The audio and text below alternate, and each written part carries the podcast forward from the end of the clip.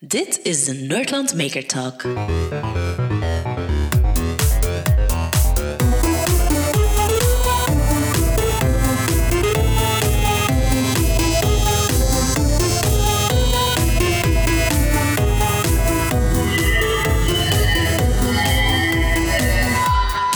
Voor de allerlaatste keer terug online op Discord voor een Team Scheire special. Deze keer met de makers achter de schermen. Daar wordt ook van alles gemaakt en daar willen we eens even diep op ingaan. We zitten hier samen met Lieven. Dag Lieve. Dag. Met eh, Kurt, zoals altijd. Ja, hallo, dag. Maar het grote verschil is dat Kurt nu mee aan de kant van de interview zit. En Aha. dan het, een eh, zeer mooi duo. Nathalie en Steven. Nathalie is de regisseur Hallo. van Team Scheire. En eh, Steven is eh, zo de hoofdcameraman, denk ik. Hè? Zoiets, ja. Of DO, DP of DOP. Of... Nee, nee, nee, nee. Nee, nee, nee, gewoon, jawel, jawel, jawel. voilà. En eh, we gaan dus nu eh, even het verhaal achter het, eh, het- bouwen maken. Misschien moeten we gewoon met het begin beginnen. Op een gegeven moment komt daar een oproep van eh, Lieven die zegt: ehm, Wij hebben problemen nodig. Eh, en wij hebben een aantal eh, mensen en die willen die problemen gaan oplossen, een aantal makers. En dan komen er gigantisch veel problemen binnen. Eh, die- Ik, ik, stel, neem aan, dat er nu twaalf eh, cases gebruikt in de, laatste, in, in de laatste seizoen. Ik neem aan dat er iets meer dan twaalf cases zijn binnengekomen. Ja, massas meer, hè. Maar het begint eigenlijk ook al, waar verspreiden we die oproep? Ja, dat is waar. Het, is, het is niet zo dat we die gewoon maar even lossen alleen op, op Canvas. We, we doen eerst echt ook heel, heel grote research. Waar willen we die allemaal eh spreiden? En dan hebben we bijvoorbeeld samengewerkt met de mensen van de Warmste Week van Stubru. Die hebben een lijst gedeeld met ons met eh goede doelen. Eh, en dan zijn we die mensen gaan, gaan contacteren en echt onze oproep gericht gaan verspreiden.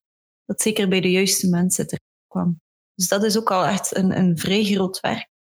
eh, om een, een soort van lijst aan te leggen, dat je gevarieerd Eh, bezig, bezig bent en dat je de juiste mensen bereikt. op dit moment fungeren jullie nog een beetje als één cel die eh, bi- binnen de redactie die, die vragen binnenkrijgt. Op dit moment ja, moet er nog een selectie gemaakt worden. Of, of, eh, ik weet het uiteraard wel, want ik was een beetje bij, bij het proces bij. Maar, maar eh, uiteindelijk moeten jullie daar, eh, krijgen jullie dan vragen binnen. Er wordt een selectie uitgemaakt, er wordt een, een, een, longlist gemaakt. En uit die longlist wordt er dan een matching gemaakt met de, de makers die dat seizoen meedoen. Oh ja, ik denk dat we eerst en vooral komen we elke week samen, elke maandag, omdat dat gewoon nodig is, omdat we zoveel vragen binnenkrijgen. Dat is heel fijn. Allee, heel fijn voor ons, niet zo fijn omdat er veel problemen zijn, maar er, kom, allee, er komt echt wel heel veel reactie op. Eh, en dan met heel team eh, bekijken we van ja, wat denken we dat mogelijk is. Dat is dan vooral Kurt eh, zijn, zijn job. Omdat dat voor ons ja, is dat moeilijk in te schatten soms, hè, van wat kan, wat kan niet. Dus Kurt is daar eh, de gepaste persoon om eh, soms te Ja. zeggen tegen ons van nee, dat, dat, dat, gaat, dat gaat niet lukken. Ja, maar het is, het is, het is, dat is eh, ook het is- belangrijk. ja, het is dat spanningsveld zoeken tussen langs de ene kant, er mag geen oplossing al bestaan. Ai, zoveel te beter als er wel een oplossing bestaat natuurlijk. Hè, want dan hebben we ook heel wat vragen al direct kunnen beantwoorden. Van kijk, misschien is dit wel iets. En daar ook heel veel reactie op gekregen van mensen. Alright, dankjewel. Ah, dat was hetgeen wat ik zocht.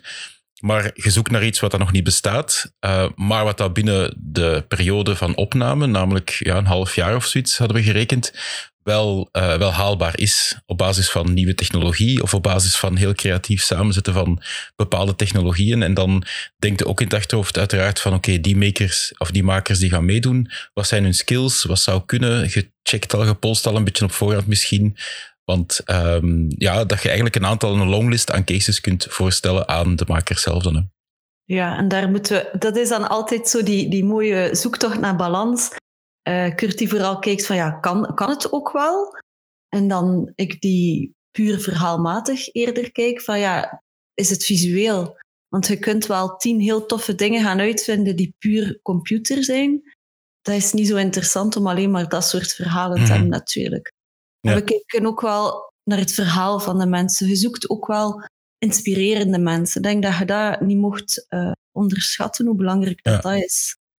Is dat interessant? uh, is ook al een paar keer in de vorige podcast naar, uh, naar boven gekomen. Dat is het, dat, dat spanningsveld, maar niet een gezond spanningsveld is inderdaad tussen het bouwen van iets, het, het, maken, het oplossen van iets en uiteraard hetgene dat het ook nog in beeld moet komen. Hè? Want op een gegeven moment waren er twee cases rond een blinde. was een blinde paardrijdster, dat dan uiteraard in, op, op tv is gekomen. Maar er was ook bijvoorbeeld een blinde uh, surfer, waar dat voor ons als maker een compleet totaal andere technologische oplossing uh, uh, vraagt. Maar uiteraard, tv-matig zijn dat twee zeer, gelijkba zeer vergelijkbare cases, uiteraard. Ja, er mhm. zijn echt superveel vlaggetjes die... Allee, vinkjes dat je moet kunnen zeggen. Nee, er moet op alle gebieden enorm veel variatie zijn. Dat moet een, een spanningsboog van verhaal zijn.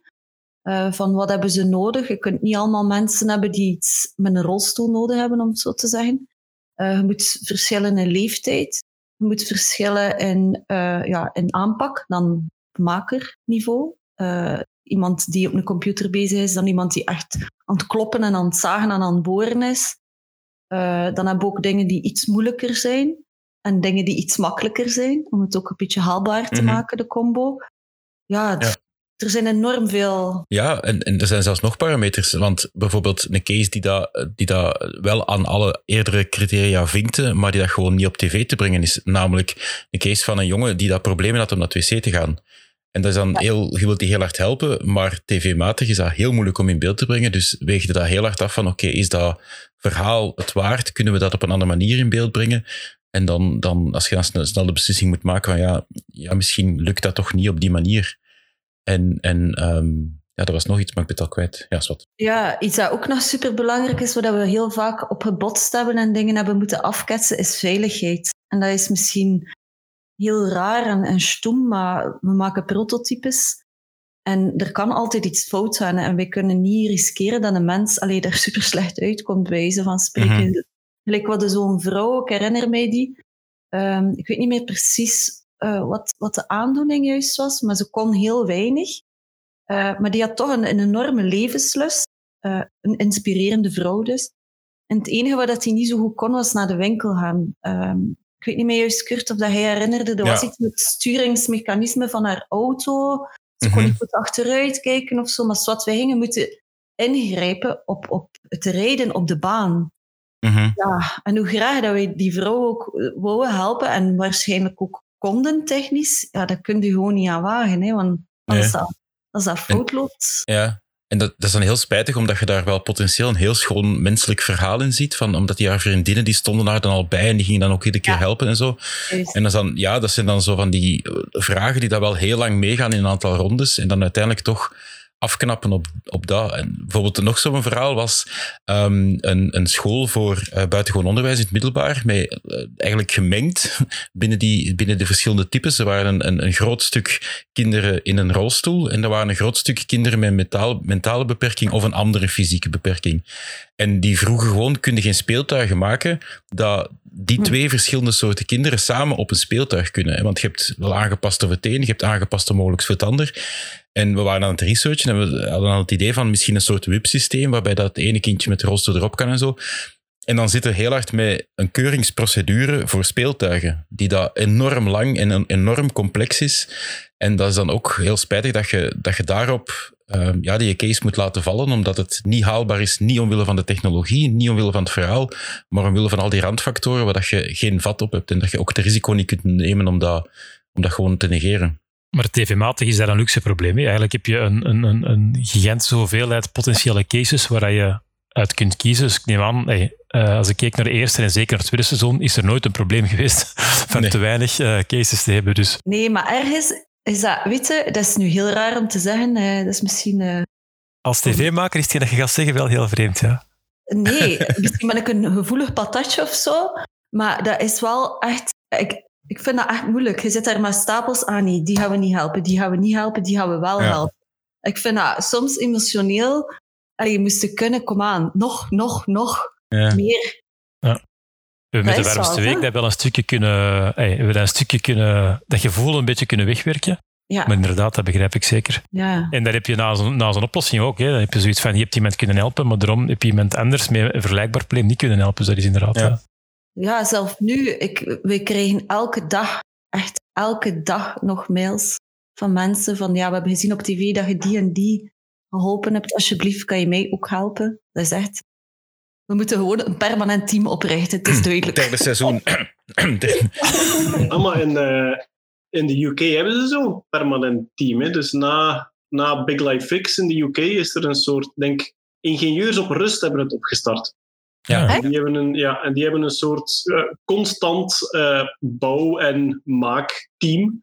Dus kijk misschien via Make in Belgium. Hè? Ja. Ja, maar dat was, dat was sowieso het idee ook. En we hebben er zelfs, ik heb er zelfs samengezeten met, met eh, Lieve de Couvreur. En dat is al een paar keer ook ter sprake gekomen in de vorige podcast. Om inderdaad een platform te bouwen van de ontmoetingsplaats tussen mensen met een vraag, met een probleem. En makers die daar een bepaalde expertise hebben en in de buurt misschien wonen. En gewoon die twee met elkaar kunnen matchen. Zou misschien wel heel veel schoonheid in de wereld kunnen brengen.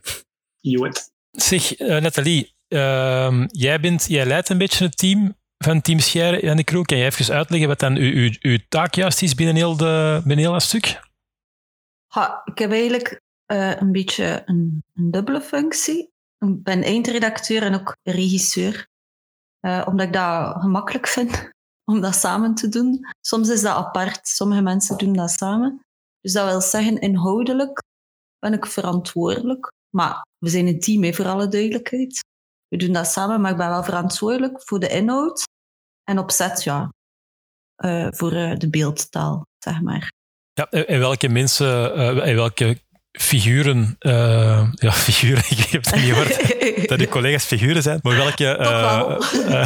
maar welke rollen heb je dan nog eh, in mee in het team? Hoe bedoel je? We hebben een heel klein team, hè. Ja, Ja, het, is, hebben- het is echt een hele kleine redactie. Ja, het is om even gewoon aan, aan de luisteraars ook gewoon te weten van, oké, goed, dat probleem komt dan daar. Uiteindelijk Ah ja, eh, zijn jullie verantwoordelijk. Jij Ja. bent uiteindelijk verantwoordelijk om, om de storyline een beetje uit te tekenen. Ja. Weten dat je nog niet weet, want dat moet nog met een maker gefixt worden. Dus je hebt er nog een grote onzekerheid uiteraard. Uiteindelijk ga je, ga je opnemen, je hebt de cameraman, eh, je hebt eh, iemand verbeeld, maar je hebt ook mensen zoals Kurt en Flo uiteraard, die daar ook nog eh, doen, en Geert en anderen. Ja. Wat dat hun functies zijn? Ja, gewoon even misschien kort, heel kort duiden hoe dat eigenlijk zo de productie achter zo'n eh, programma Achter in de elkaar zit. schermen team scheiden.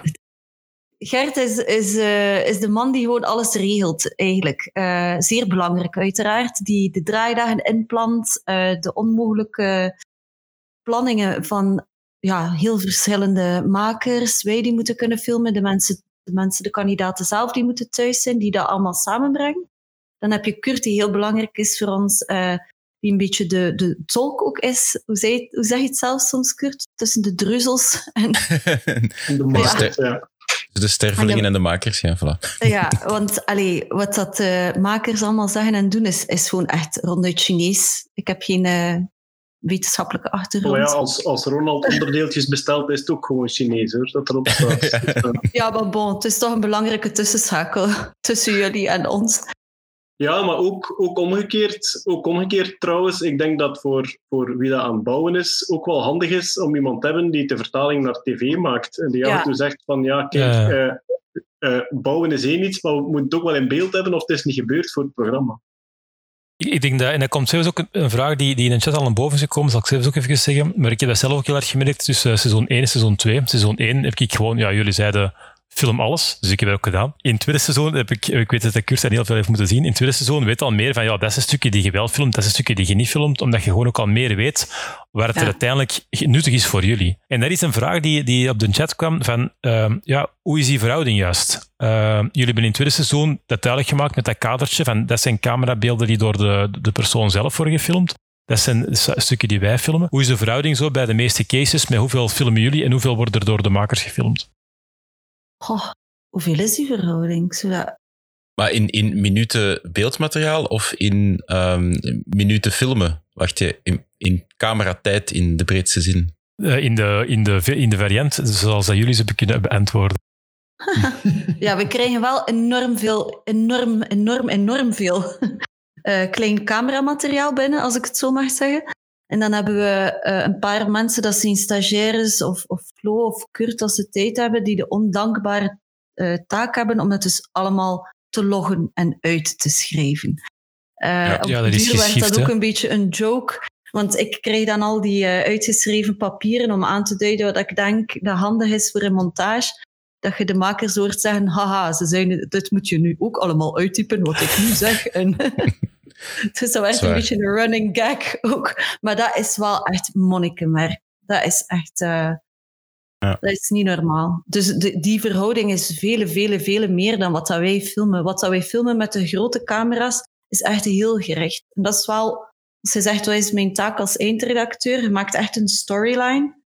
Dus bijvoorbeeld... ehm, even denken, eh, Debbie met, met eh, het opdienen dan, dan zouden we kunnen denken, oké, we gaan gewoon gaan filmen in het restaurant, ze dient op. Maar dan zitten we heel rap vast alleen maar in dat restaurant. Dus wat kunnen we er nog bij verzinnen om haar verhaal te vertellen? Dan hebben we gezocht van wat zijn haar hobby's, want dat hebben we dit jaar bewust gedaan bij alle personages. Hebben die nog iets extra dat we niet altijd moeten laten zien in hun beperking, zeg maar. Dus Debbie was bijvoorbeeld snowboardster. Dus dan beginnen we het verhaal op te bouwen. We gaan haar eerst laten zien aan het snowboarden, want Debbie is niet Debbie met één hand. Zij kan zoveel meer. Dan gaan we naar het hotel. Eh, dan maken we dat Lieven ook eens kan komen kijken en materialize. Allee, zo bouwen we het verhaal op. Maar dat is wel heel op voorhand eh, vastgelegd. En dan Ja. daartussen weven we die uren en uren en uren. Ik denk, dat dat inderdaad grote verschil is tussen de camera, hetgeen dat jij al op voorhand uittekent. Hey, uiteraard ook in delen gebeurt. Je kunt nog niet helemaal in het begin al weten wat er op het einde gaat gebeuren, Nee. maar dat is wel gericht uiteraard, waar je weet van, Ja. De, daar gaan we dat evenement opnemen. Terwijl met de camera bij de makers zelf probeerden ze de, de, in- hey, de automatische, hey, de- ja, het enthousiasme dat daar, dat daar is en een beetje de, de, de real life van wat erachter zit eh, te, te komen. Ja. Dat vind ik wel een hele knappe. Het is tv, maar er is echt niks ik heb geen enkele keer op die twee jaar iets moeten zeggen of iets moeten doen, omdat dat moest voor tv. Mhm. Eh, alles is wel natuurlijk. En dat vind ik wel heel knap. Dat is ook, laat ons zeggen, dat is eigen aan het programma hoor. Dat is, bij tv is, de, is het meestal. Allee, ja, bij tv Nee, dat komt het heel, heel, heel vaak voor dat je geregisseerd wordt. En eh, het was hier door de aanpak en door de sfeer van het programma dat dat inderdaad allemaal natuurlijk kon. kon Ja. ja. zeker. Ja, want op, op zich is dat, als aanvulling op Nathalie, dus we hebben die gigantische hoeveelheden uren en uren en uren aan homecam materiaal. Ehm, en op voorhand, uiteraard, ik heb, mee, ik heb gebeld, uiteraard ook met alle makers, om te gaan checken van, van hoe ziet het zitten en wat zijn de volgende stappen. Om iedere keer ook te gaan anticiperen. En daar gingen de redactievergaderingen dan heel vaak rond. Er, er was wel een script, maar er was geen script dat van A tot Z alles omvatte. Er waren zo een aantal spanningsbogen al op voorhand gezet van ja, het zou interessant zijn als die stap en die stappen.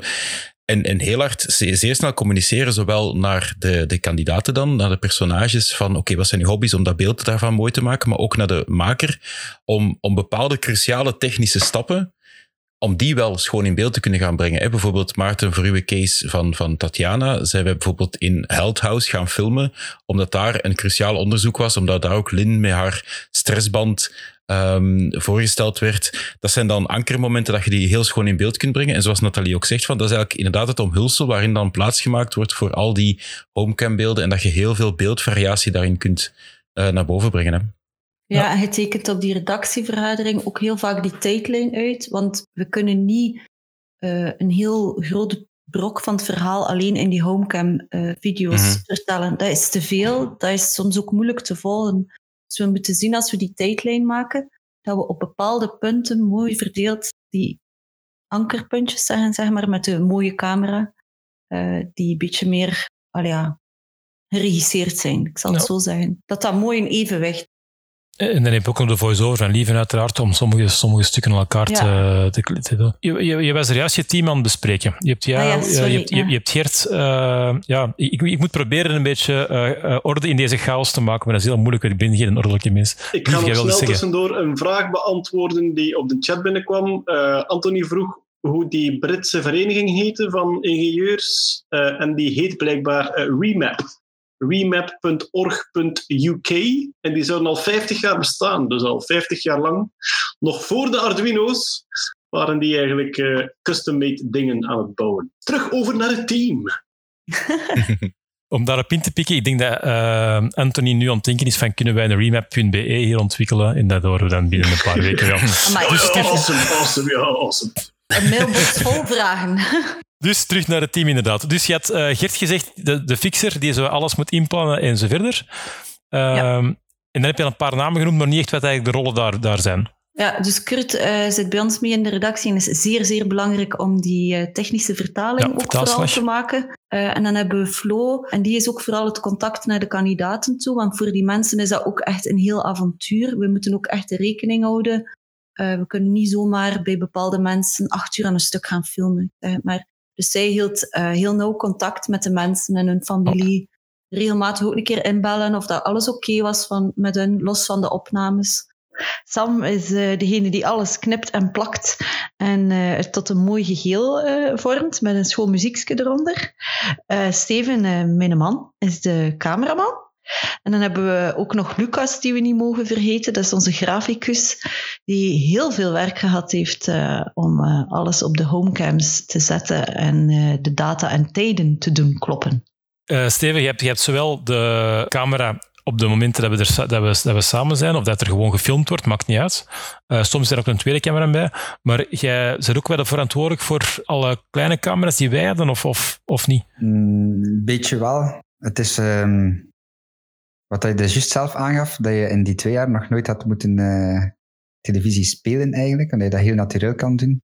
Dat heeft wel een impact naar techniek toe, uh, waar wij dan heel lang over moeten discussiëren, omdat we dat natuurlijk willen houden voor jullie. Maar dat betekent dat we ja, vaak uh, moeten uitdrukken met materiaal dat we beschikbaar hebben, omdat het op dit moment aan het gebeuren is. Dat we dan niet ja, zomaar met altijd de, het grote materiaal ter beschikking hebben. Ik denk dat we in het eerste seizoen met tien camera's, verschillende soorten camera's hebben gedraaid. Dat was ook een beetje een uh, geworden op het einde. Waardoor dat we voor seizoen 2 dachten, nu moeten we een beetje helderheid uh, krijgen in uh, wanneer dat we het heel mooi willen afwerken, of toch zo mooi mogelijk. En wanneer dat we het in de homecam camera's, jullie camera's, dat je dan thuis mee hebt. Dus om dat onderscheid wat groter te maken tussen het mooi gedraaide en het, wat dat jullie doen. Maar dan nog kom je op het einde van de rit wel aan best veel camera's uit. um, omdat het programma, ja, het is eigen aan het programma. Je hebt snel al wat dat iedereen kent, de GoPro's uh, van doen. Omdat je met helms zit of mensen die op een paard moeten rijden en weet ik wat allemaal. Dus het is altijd uh, wel case per case technische uitdaging, maar dat maakt het natuurlijk wel leuk. En ik denk dat net als jullie makers opstaan en gaan slapen met jullie werk, dat doen wij eigenlijk ook op onze ja. manier. En soms is dat superleuk en soms is dat super frustrerend. En dat is waarschijnlijk ook, ook heel herkenbaar voor jullie. Dat is een gedeelde smacht. ja. ja, als koppel zitten we vaak nog s'avonds verder te discussiëren. Ja. Ja, dus je neemt alle werk echt letterlijk mee naar huis. Ja. Want het is, ook, het is niet, allez, qua beeldtaal is dat niet het meest evidente programma hoor. Zeker uh, voor mensen uh, zoals Katrien en, en jij soms ook, Maarten, die, die vrij veel aan hun bureau statisch zitten. Hè. Moeten wij soms alleen met twee heel goed overleggen van oké, okay, hoe kunnen we dat interessant in beeld brengen? Ja, ja, dat is wel een gigantisch verschil tussen ja. iemand die een graffiti-machine aan het maken is en ja. daar buiten mee aan het prutsen en aan het doen is, tegenover iemand die drie uur zweet op een lijntje code om dat in beeld te brengen, dat is niet evident. Ja. ja. Maar misschien om, zo even daarop in te gaan, Steven, wat ik heel interessant vond uh, tegenover het vorig seizoen is bijvoorbeeld hoe dat de auto, de rijshots zijn gefilmd, het interieur namelijk. Het shot van Lieve die samen met een maker op bezoek gaat. Want dat is ook een beetje technisch uitgezocht en zo, hè? Ja, omdat we daar ook eigenlijk uh, niet wouden ingrijpen uh, in dat gesprek. Omdat we, uh, we hebben in seizoen 2 heel hard gegaan om gesprekken te laten gebeuren en ze niet nog eens te doen met inpikkers en ja-geknik van lieven. om te kunnen knippen. We wouden eigenlijk een echt natuurlijk gesprek en dat ook in één keer opnemen. En dat was in de auto's ook zo. En daar zijn we eigenlijk voor een systeem gegaan dat we het in dubbele resolutie opnamen in de auto, zodanig dat we uit het ruimshot ook de close-ups konden halen. In montage dan we met één camera drie shots. Dat we een uh, two-shot uh, van Lieven en de maker. En ook van elke close-up en één gesprek dat eigenlijk natuurlijk kon doorgaan. En dan nemen we achteraf nog wat race-shots en dan blijkt dat allemaal heel mooi aan elkaar geknipt. En je voelt dat in het gesprek dat dat heel belangrijk is voor hun, dat dat wel... Je, je voelt die natuurlijkheid als je het niet nog eens opnieuw moet doen, puur voor een cameratechnisch uh, gegeven. Ja. En dat is voor ons soms uh, moeilijker technisch, maar het, het, eindresultaat maakt het mooier en daar doet het dan voor. Hè. Maar ja, die, we... die, die, inspanning die jullie leveren, zoals daarnet ook gezegd, die inspanning die je levert om de dingen echt te laten gebeuren, is ehm, zeldzaam in tv-land. En eigenlijk de manier waarop dat je ze omschrijft, maakt ook duidelijk waarom dat ze zeldzaam is. Het is Ja. soms drie dagen werk om iets spontaan in beeld te hebben dat je op een kwartier gefaked hebt. Ja. En dus die extra moeite erin steken, dat is wel eh, een huzarenstuk, ja. Ja. Ja, nog, nog zo'n voorbeeld daarvan is eh, de- een technische, niet technisch in de technologiekant, maar wel in de camera of in de storymatige technische ingreep, is dat ehm, de, Maarten en alle andere fixers, dat die hun personages, net zoals in het eerste seizoen, op voorhand daar niks van wisten. Dus op het moment dat ze die case kiezen, dan zien ze wel een naam, maar ze weten nog niet heel de context van bijvoorbeeld eh, Debbie, dat hij dan ook snowboard en zo van die dingen. Wat eh, ervoor zorgt dat op het moment dat ze de eerste ontmoeting doen met die personages, dat dat ook heel authentiek is van, ah, hallo, ah, wie En, en zo verder. En dat die spontaniteit daar, dat we die rechtstreeks in beeld kunnen eh, opnemen. En dat die ook niet gefaked moet worden. Ja, inderdaad. Hetgeen dat er een beetje bij, bij, bij aan, aanleunt ook, en ook een vraag die al wat vroeger gesteld was, dat is van, je bent, ja, wij, wij komen er als maker dan bij, wij kennen eigenlijk wij kennen een beetje het probleem, maar pas, leren het pas echt kennen tijdens het programma zelf. Maar hoe is het eigenlijk ervoor gestart? Is het eh, Lieve die eh, de rest gezocht heeft? Is het een programma dat Lieve, dat wordt, wordt gevraagd op de chat, misschien dat Lieve dat wij kan duiden? Eh, het, het is een Brits format. Eh, Big Life Fix heet het. En in, in Engeland hebben ze dan echt ontwikkeld vanaf nul. En het is door Sputnik, door het productiehuis, is het format gezien op een beurs. En zij dachten direct ehm, aan mij als presentator. Dus hebben ze gewoon gevraagd: van, ja, is dat iets dat je ziet zitten? Heb ik een proefaflevering gezien en daar was ik er, ja, direct wel heel enthousiast over.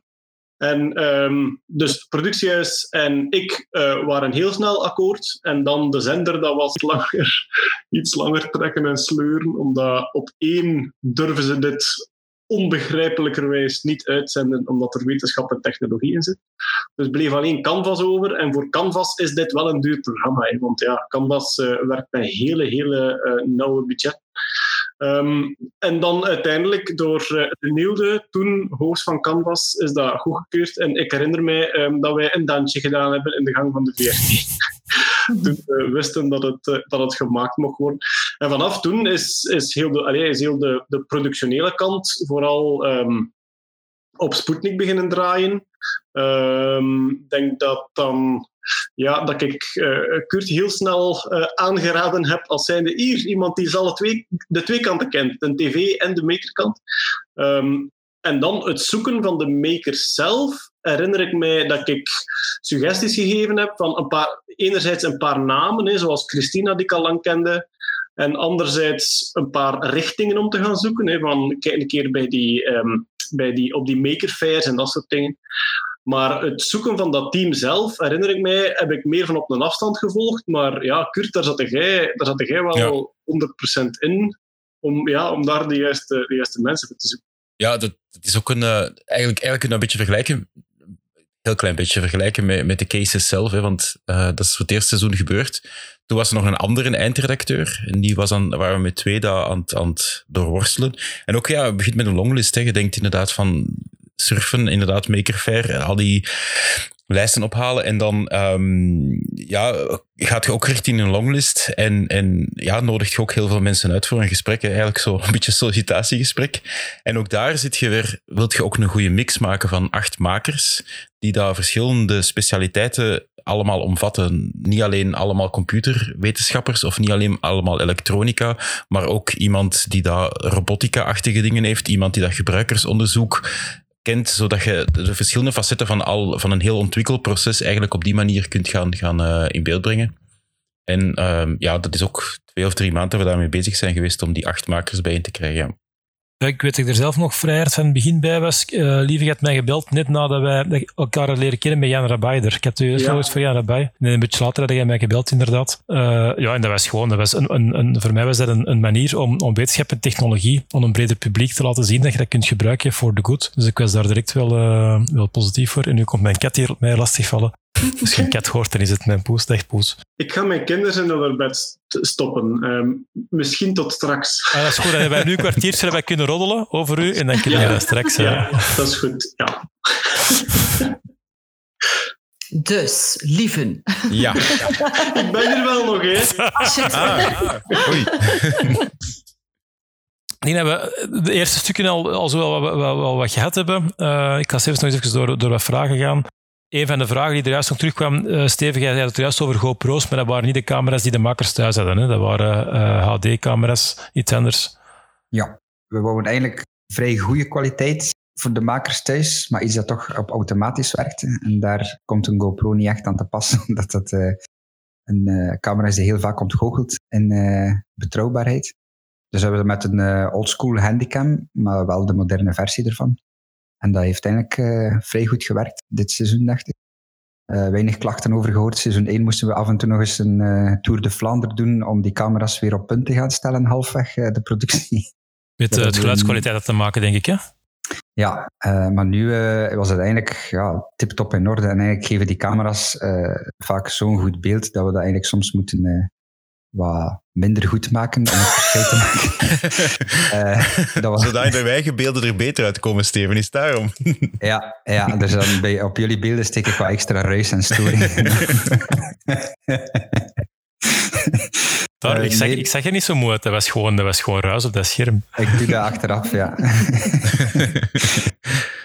Nee, maar technisch gezien hadden we de, eh, nog altijd wel wat verschillende camera's. Eh, wat dat Kurt straks zei, van in de auto hebben we aanpassingen gedaan. Maar we hebben ook eh, heel vaak dan Nathalie en ik alleen op pad gingen. Dat we dus twee micro's en dan pakten we de grote camera, maar ook een kleine camera om alweer dat gesprek op een natuurlijke wijze in één keer te laten gebeuren. Dus ja, in postproductie is dat toch altijd wel om dat allemaal gematcht te krijgen en, en te doen alsof dat, dat eigenlijk dezelfde camera's zijn en zo. eh, best een, een bizarre stukje, maar het is denk ik best wel. eh, ik ben heel tevreden over het eindresultaat. Ja, dat is wel een verschil met seizoen 1, inderdaad. Ik heb dat vergeten. Eh, in seizoen 1 hebben we altijd met één camera gedraaid. En nu, om die naturel te houden en zoveel mogelijk alles eh, te laten gebeuren zoals het is, hebben we met twee camera's vaak gedraaid. Dus Steven met zijn grote en ik met, wat was dat? Een fototoestel, eh, de liefhebbers en de Nerd Talk. En, eh, Zeg maar, absoluut. Lu- Lumix S1 Panasonic, maar wel vaak met een vaste lens erop om het dan toch wat eh filmischer te maken en dichter bij de, de echte camera te brengen. En zo hadden we eigenlijk altijd een, een ruimshot, dus dat je de, de scène ziet, de ruimte goed ziet. En Steven eh, die, ja, die nam dan de close-ups en volgde meer de actie mee, zeg maar. Dus moesten we niet opnieuw, allee, vaak in televisie moeten zeggen, doe dat nog een keer opnieuw, dat we even een ruim beeld kunnen... eh, Ja, want op zich is dat Laten misschien zien. wel in, want op zich is dat misschien wel interessant, Nathalie, om, om zo voor mensen dat zo iets verder staan van hoe dat tv gemaakt wordt. Stel dat je een scène hebt met een interview tussen twee personen op de normale manier, hoe zouden dat in beeld brengen? ja, sowieso, allee, je moet altijd een establishing shot hebben, zeggen wij. Of even de setting van waar, waar, waar zijn we. Bijvoorbeeld de garage van Anthony is een mooi voorbeeld. Zeer dankbaar om dat, Mhm. die ruimte te laten zien met al de lichtjes en alle machines. Natuurlijk, in een gesprek wil je in dat gesprek zijn.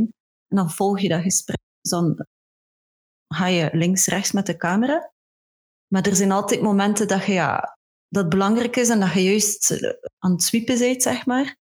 Dus dan leggen we even stil en dan zeggen we, ja, kan je even inpikken vandaar? Beginnen we opnieuw. Of kun je nog even eh, dat opnieuw zeggen, dan gaan we terug even een ruimshot nemen om, om weer die ruimte nog een keer te kunnen laten zien. Of eh, na het gesprek zeggen we dan, babbel maar over koetjes en kalfjes. En dan filmen we, dus bijvoorbeeld als Maarten spreekt tegen Anthony, eh, laten we Maarten wat, wat vertellen en dan filmen we Anthony die luistert. Dat zijn dan de luistershots, die kunnen we dan overal tussen. Eh, dan moeten we wel opletten dat Maarten geen eh, zever begint te vertellen en Anthony heel de tijd in de lach schiet. Dan past dat niet meer bij de sfeer Dat is moeilijk. die het echte gesprek had. Maar dat zijn dus echt heel veel dingen dat je opnieuw moet doen. En doordat we twee camera's hadden, konden we eh, eigenlijk altijd teruggaan naar die ruimen, die die ik had fix. En hadden we altijd het gesprek mooi mee van Steven. Ja. Luistershots deed ik wel ook nog extra, omdat ik het graag zo mo- mooi mogelijk heb. Maar dat is niet erg, omdat je niet, niet iets echt opnieuw moet doen. Je moet gewoon luisteren. Dus voilà. En dat kunnen alle makers goed. Nee, dat, was inderdaad, dat is ook het voordeel natuurlijk van een tweede seizoen, waar dat waarschijnlijk ook dat, zowel langs onze kant als langs jullie kent een aantal zaken ge- gemakkelijker of, of, of ja, naturelder overkomen. Eh, maar ik zeg het, wat ik eruit zei, ik heb nooit niet het gevoel gehad, zowel niet in seizoen 1 als 2, dat je ergens verplicht voor, eh, wordt om een bepaalde quote of iets te gaan doen. Het is altijd, als we achteraf iets opnieuw moesten zeggen, was het omdat we het al gezegd hadden. En niet, eh, en niet, niet fake. En dat, eh, dat, inderdaad, zoals Lieve zegt, dat zie je niet veel op tv. Maar er is wel, eh, er heeft wel uiteraard de kant dat het in productie daarna veel meer werk is, uiteraard. En ook dat het, hey, het aantal draaidagen voor jullie is veel groter dan dat het zou zijn als je het allemaal voor een zou scripten, natuurlijk. Ja, ik denk dat je ook veel... Allee, het vaak... Dus de manier van draaien dat je kiest. Hè. Ofwel pakt je camera op je schouder en je loopt erachter.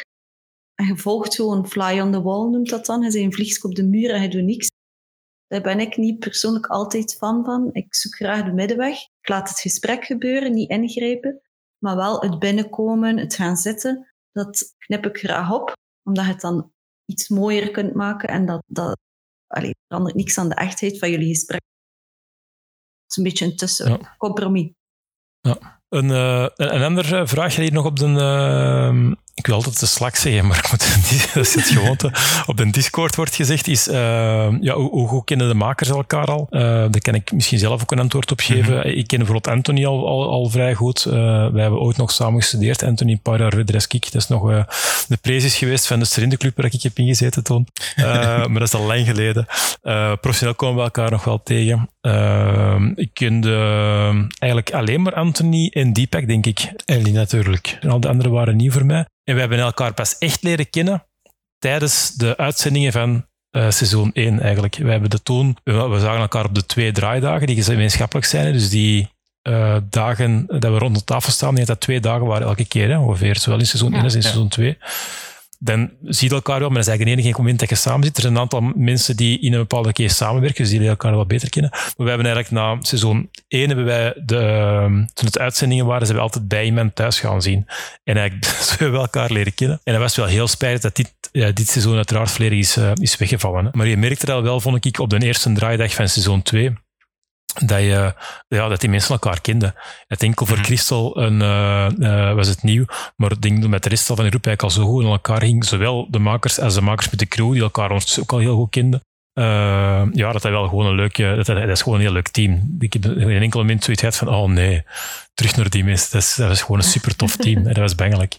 Eh, zelfs als ik helemaal naar Brugge moest rijden. Ja, ik dacht... Eh, ik was uiteindelijk wel blij dat ik die case van eh, die, die, eh, die Katrien net niet heb gehad, want dan moest ik veel meer in Brugge geweest zijn. Ah, van de Eh, best. ja, inderdaad.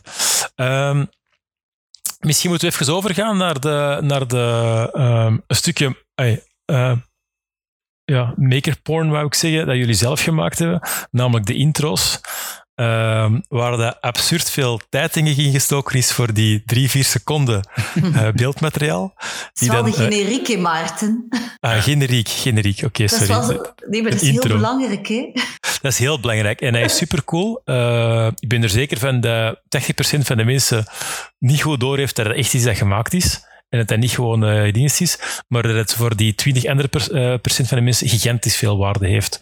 Dat het ook daar is. Want ook in, de, in een talkies zijn die vragen al naar boven gekomen. Van, van ja, is dat echt eh, is dat helemaal gemaakt? Bijvoorbeeld de Ronald zijn hoofd. Eh, dat, eh, misschien moeten we daarmee beginnen. We beginnen dus misschien met Ronald. Ik zal ondertussen eens even allemaal voor mij pakken. Ronald heeft iets met... eh, ehm, met te maken, uiteraard. Uiteraard, ja. Ja, het, was, het was de bedoeling om, om zo voor elke maker iets te zoeken wat dat zo technologisch heel nauw aan zijn of haar hart lag. Ehm, en ja, Ronald is robotica, maar dat is zo... Als je ooit in Ronald zijn techniekschuur langs kunt gaan in Lennik, doen. Dat is eh, iedere donderdag namiddag, of iedere dinsdag, sorry. Eh, avond is het open daar, als corona voorbij is natuurlijk. Ja, die heeft een gigantisch grote lasercutter. En ik denk dat heel veel makers daarop staan te kwijlen en jaloers op zijn. Dus ja, was het heel snel duidelijk dat Ronald iets met lasercutten moest zijn. Ehm, en dan hebben we zijn hoofd 3D gescand. Ehm, en dan heb ik dat opgesliced via een plugin in Fusion. Slicer heet die. Dat je kunt instellen van ik wil het nu snijden in materiaal van die dikte en de platen zijn zo groot en dan komt daar gewoon een lasercut uit en dan is dat opgestapeld op ene pin. En dat is dan eigenlijk eh, zijn hoofd in 3D. Hoe, is dat, hoe gebeurt dat 3D-scannen juist? Die 3D-scan is in Technopolis gebeurd. In zo, er staat zo'n tijdelijke, of ik weet niet wat er nu nog staat. Dat is in een tijdelijke- dat er staat zo. Ja, zo'n boot. Zo'n, Ja, ehm, ja. En dat is eigenlijk ja, commercieel, want je kunt dan je ventje zo kopen. Ja, maar veel geld. je kunt dat dan ook downloaden gewoon en dan zelf printen en daar zelf dingen mee doen. Ja, zelfs dat downloaden moeten we betalen tegenwoordig. Is het echt? Ah, toen was dat nog niet gelukkig. Eh, en dan, dan moet je dat in beeld brengen. Hè? dan komt Steven ook terug daar. Eh, uiteindelijk wilde hij dat leuk in beeld brengen. Is het, is het dan gewoon dat die op elkaar gezet worden, of hoe is het dan juist gebeurd? Want je ziet maar echt een paar seconden in de generiek, denk ik. Hè? Ja, dat is, zo, het is eh, ook zo'n momentje waarin dat we dat juist zeiden. Daar ga je mee slapen en sta je mee op. En dan rijden we samen naar Antwerpen op en af, of naar de, Ja. naar de set. En dan zijn we in de auto aan het eh, ja, discussiëren. Hè. Wat kan, wat niet kan. Vaak is het eh, mijn madame die dan heel wilde dromen heeft en ik die dan een beetje reality check doe. Maar uiteindelijk, als je genoeg gepusht wordt, eh, dan, dan eh, kom je altijd wel tot een leuk resultaat. En het was een hele moeilijke, omdat er natuurlijk, eh, we hebben niet één maker en de ene is al visueler dan de andere. Eh, dus het was best wel een moeilijk proces, maar eh, wel heel leuk om te doen. Ja, maar je hebt één speciale lens gebruikt. Die was echt heel cool. Ja, we gaan natuurlijk Ja. ook, net zoals jullie, eh, Ja. op zoek. We zijn ook op dat vlak een beetje tech-nerds natuurlijk. Dus we houden altijd een beetje de markt in de gaten, wat dat er is en wat dat er zit aan te komen. En toen was er net een eh, nieuwe macrolens uit, de Laowa. Ehm, dat is, eh, om het een beetje te beschrijven, een, een, heel eh, lange lens, waardoor dat je eigenlijk heel diep in een voorwerp kunt gaan. Wat dat vroeger niet mogelijk was, omdat de dikte van de grootte van je camera daar beperkingen in gaf. En die lens was denk ik toen nog geen maand eh, op de Belgische markt te huur. Dus ik had die natuurlijk al heel snel gereserveerd eh, met de generiek in het achterhoofd. En daar hebben we heel eh, coole shots kunnen mee Mhm. draaien. hè. Precies een mitraillet. Ja, Ja. dat is waar. Zo zag dat eruit.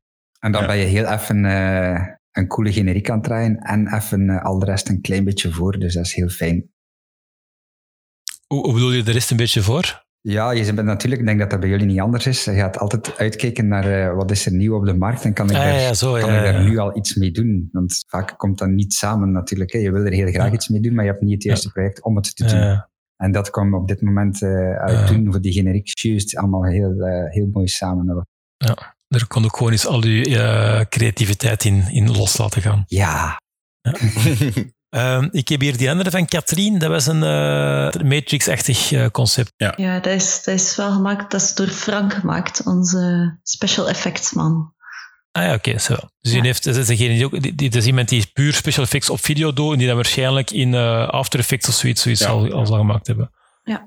Hij heeft er wel heel veel werk aan gehad. Ja, dat zal wel. Het was, het was heel moeilijk om dat, om dat te laten draaien en om dat toch... Allee, natuurlijk is het foute woord, maar in het begin was het... Ja, het was like, te veel computer nog. Eh, het, het menselijke was er volledig uit. Ja. Dus is heel veel heen en weer gegaan, eh, dat we het juist, eh, het exact juiste gevoel heeft dat goed gedaan. Hè? Ja, dat is heel cool. En, en het is inderdaad, ik heb zelf ook zo eens een klein beetje met After Effects liggen werken om gewoon een paar animaties in een uitleg van een, een, ik weet niet juist, een- iets elektronica erin te hebben. Hoeveel tijd dat je erin steekt om van die simpele dingen gewoon goed te krijgen, dat is, dat is absurd. Ja, alleen al dat kleur van dat groen, omdat, omdat niet zo hel en fel, maar zacht. En ja, ik zeg, we moesten daar iets menselijks in krijgen. Dat alleen Ja, al ja, was gedoe. Ja. En jij is dan ook geen gemakkelijk, jij is ook niet grap content, hè? dus het moet dan ook wel goed zijn. Hè? Boah. Het is de generiek maar. En, ja, zie je wel?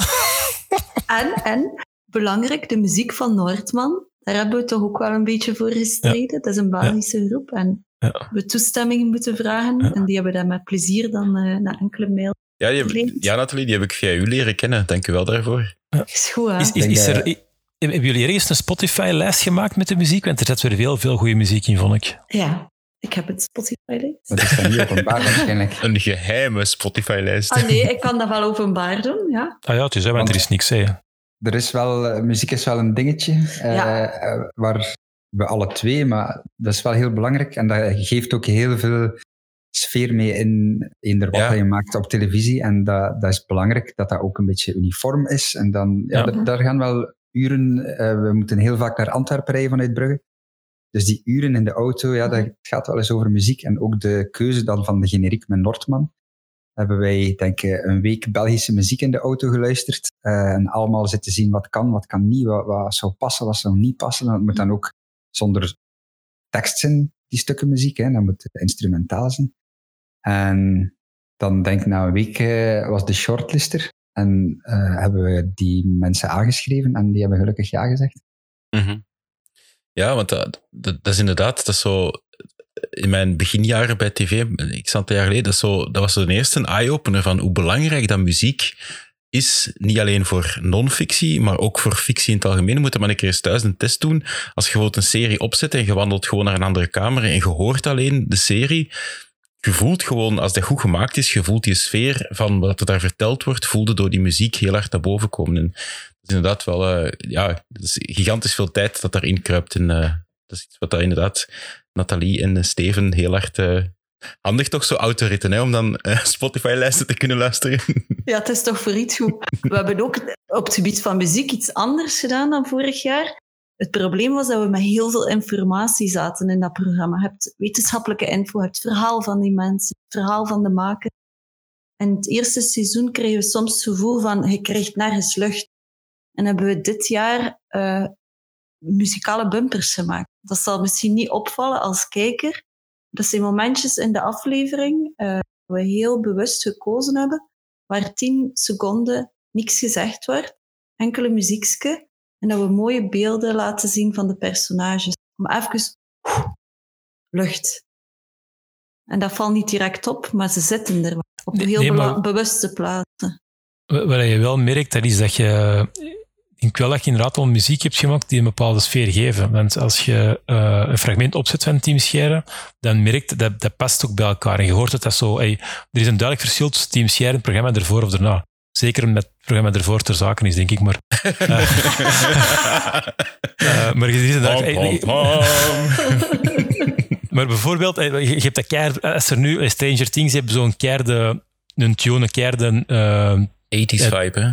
Vibe, voilà. Als er ergens een programma zo dezelfde, dan moet altijd aan Stranger Things denken, bijvoorbeeld. Die hebben er ook gewoon keigoed gedaan met toen. En ik vind dat je dat eigenlijk bij de, bij de, de liedjes die je hoort, zeker in combinatie met de beelden bij Team Sierra, dat matcht ook. Dat is ook een heel, dat is heel consistent, vind ik. En dat is iets dat je pas merkt als je er... Hey, je merkt het niet, want dat is juist de bedoeling dat je dat niet hard merkt, uiteraard. Mhm. Uh, maar als je op let, vind je dat heel hard. En als je erop begint, hey, als je, zeker als je een aflevering een paar keer gezien hebt, dan, dan, dan merk je dat wel. Dan begin je er ook meer op die details te letten natuurlijk. Er juist zijn er nog met een auto de hele tijd van, eh, van, van Brugge naar Antwerpen over en twee rijden. Uh, dat is een auto vol met materiaal. En je hebt die ook wel wat speciaal gepimpt, als ik het mij nog goed herinner. Qua sloten en zo. Dat is altijd speciaal een auto. Eh, ja, er zit heel veel en duur materiaal in. En eh, je wil de auto zo anoniem mogelijk houden, Ja. zonder belettering eh, of weet ik wat. Eh, en ja, ik heb er wel een veiligheidsslot op, omdat ik toch heel veel schrik heb om dat materiaal ooit eens gepikt te zijn. Het is ooit één Ja. keer gebeurd en dat zal Ja. mij niet nog eens overkomen. Ja, dat is ook, ik vond het altijd absurd als jullie ter plaatse kwamen wat er allemaal uit hun auto kwam. Dat er materiaal. En toch hebben we altijd het gevoel dat we te weinig mee hebben. Maar Ja, maar dat hebben wij ook altijd. Als ik naar een Anthony zijn garage ga of zo met iets, ik heb altijd hetgeen dat ik echt nodig heb niet bij. Dus dat is, dat is gewoon Ja, zo. maar Steven, je hebt toch een trekhaak aan uw auto, hè? zeker weten, ja. Voilà. Alsjeblieft, laat het weten. Ik ga naar de volgende generiek. Ik ben eigenlijk gewoon de episodes van, eh, van eh, onze Team Scherre special aan het afgaan. Vandaar dat ik altijd twee mensen zie. Dat is eh, Christina. Ah, Eh, ja, er is iets getekend. Ja, En hoe was was- dat getekend juist? ja Ah, dat was, eh dat was eh, Flo, die dat er hier niet is. Die, ehm, die, eh, die was er, die is, was ja, die is nog altijd redacteur, ik weet dat niet meer. Nee, die is, die, ja, die is wiskundige van opleiding, ah, niet academisch of zo, maar die, heeft, eh, die is, ehm, licentiaat in de wiskunde ook.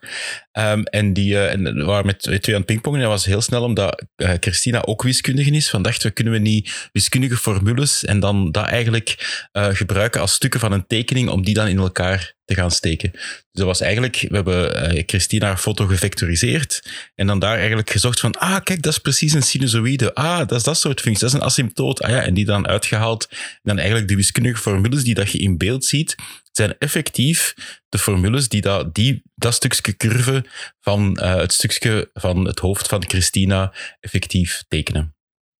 En de hand die je in beeld ziet, is trouwens de hand van Flo ook. Ja, toch een beetje in beeld. Ja, voilà. Ja. Onze topperflow. Ja, en ze wou, ze wou luisteren en ze wou er niet bij zijn vandaag, wat spijtig is. Eh, maar haar goede recht. maar dan. Ja. En dan hebben we eh Deepak, die in dezelfde aflevering eh, kwam. Dat is iets Oh. getekend op een raam, denk ik. Kurt. Dat was, dat was Dat een nachtmerrie. Ja, Kurt zijn nachtmerrie. Ja, het, het zag er heel cool uit. Hè. We hadden die, dat is zo een robot, zo een, een, een robot met stiften die dat je op je muur kunt zetten en die dan eigenlijk aan twee koordjes vasthangt. Eigenlijk een beetje gelijk de oplossing die Anthony gebruikt heeft ook. Hè, dus twee hebt eigenlijk motoren. gewoon en, Anthony zijn case al opgelost en dan Anthony erop gezet. Of, ja, maar gelukkig heeft Anthony een andere robot gebruikt, want degene wij gebruikt hadden, dat was, ja, dat was zo'n Kickstarter. En via Bram van der Borgt, shout-out to Bram van der Borgt, die, had ik die daarvan kunnen lenen. En goh, echt, ja, dat was echt alpha. Dat was nog niet eens beta-fase. Dat was constant met bugs. En ja, uiteindelijk is het dan toch gelukt om die dan ehm, de Deepak te laten tekenen. En dat is een heel lang proces, want die heeft er drie uur over gedaan of zoiets, denk ik, Steven. In Technopolis hebben we er, ja, ik weet het niet juist meer hoe lang het was. Maar ehm, ja, voilà. Maar als ik het woord Kickstarter hoor, krijg ik nog altijd de rillingen. Ja, dat was Dat- een dingetje. maar het is wel gelukt, het zag er heel mooi uit. voilà. Het resultaat was wel heel schoon, ja, voilà. Maar dat is, een, dat is een voorbeeld waar een andere productie waarschijnlijk zou gezegd hebben, we tekenen het er gewoon op en eh, we zeggen dat een robot dat gedaan heeft. Dat, zou, eh, dat is vijf minuten werk, waar het nu uiteraard veel langer Ja, is. maar, maar net zoals dat jullie als makers een eergevoel hebben, ik vind dat schoon dat tv-makers ook een eergevoel kunnen hebben van er Zeker is en niks fake aan Team Scheire. Ook die eh, stoemen intro-generiek, die drie seconden, we gaan dat echt doen. Als ik mij goed herinner, hebben we zelfs de eerste poging gestart. Dan zijn we nog eens teruggegaan eh, Ja. naar Technopolis, Ja, toch? ja. Juist, hè? Tuurlijk, ja. Ja. En eh, dan hebben we er alsnog een volledige voormiddag aan gedaan. Ja. En als het klaar is, maar dan heb je toch een soort yes. Ja. Ja. Maar alles liep fout. Hè. Tot soms wel de wifi van Technopolis, die dat dan een bepaalde poort blokkeerde, die dat we nodig hadden om de communicatie tussen die robot en de aansturing van die tekeningen. Ah, het was echt, het was hel. Ja. En, Toen dan, heb ik u echt ongelukkig gezien. en ondertussen proberen eh, ho- honderd enthousiaste kinderen van dat bord weg te Ja. houden. Al die vingers op dat raam en zo. Ja, het was een topdagje, ja. Op dagjes. En dan hebben we de, ervoor kwam de aflevering van eh, Anthony en eh, ikzelf. Eh, Anthony, eh dat is een, een- zijn figuur op eh, een scope, denk ik. Ja. Werkt ja, dat? voilà, is een heel cool, cool ding. hè. Zo'n XI, een oscilloscoop met een XI-as, waarbij dat je het ene kanaal op de X-as projecteert en het andere kanaal op de Y-as. Als je daar audio op zet, dat audio is ook een, zijn ook golven natuurlijk, dus dan kun je daar ehm, toffe dingen mee doen.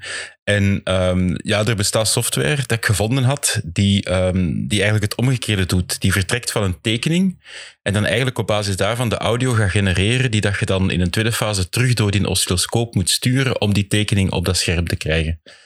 En wat je dan eigenlijk doet, is heel snel een, eh, een functie eh, plotten. En doordat die Ja. zo snel geplot wordt, lijkt dat op een vaste eh, figuur. Ja, eigenlijk het principe van hoe dat een oude CRT-TV werkt. Hè. Een CRT-TV, trouwens, een hele coole tip. Als je Slow-Mo Guys en dan CRT-TV, die hebben er een heel cool filmpje over gemaakt. Over hoe dat eigenlijk een CRT-TV, dus die lichtbakken, die, die, die dikke schermen van vroeger, hoe dat die eigenlijk maar één puntje per keer eh, projecteren, maar zo snel, zodanig dat je oog eigenlijk een, één beeld eh, in totaal overhoudt. Op dezelfde manier werkt die oscilloscoop ook. En die software die eh, gebruikt dat principe om heel snel puntjes op dat scherm te zetten, waardoor dat je de illusie krijgt dat er een tekening op dat scherm staat.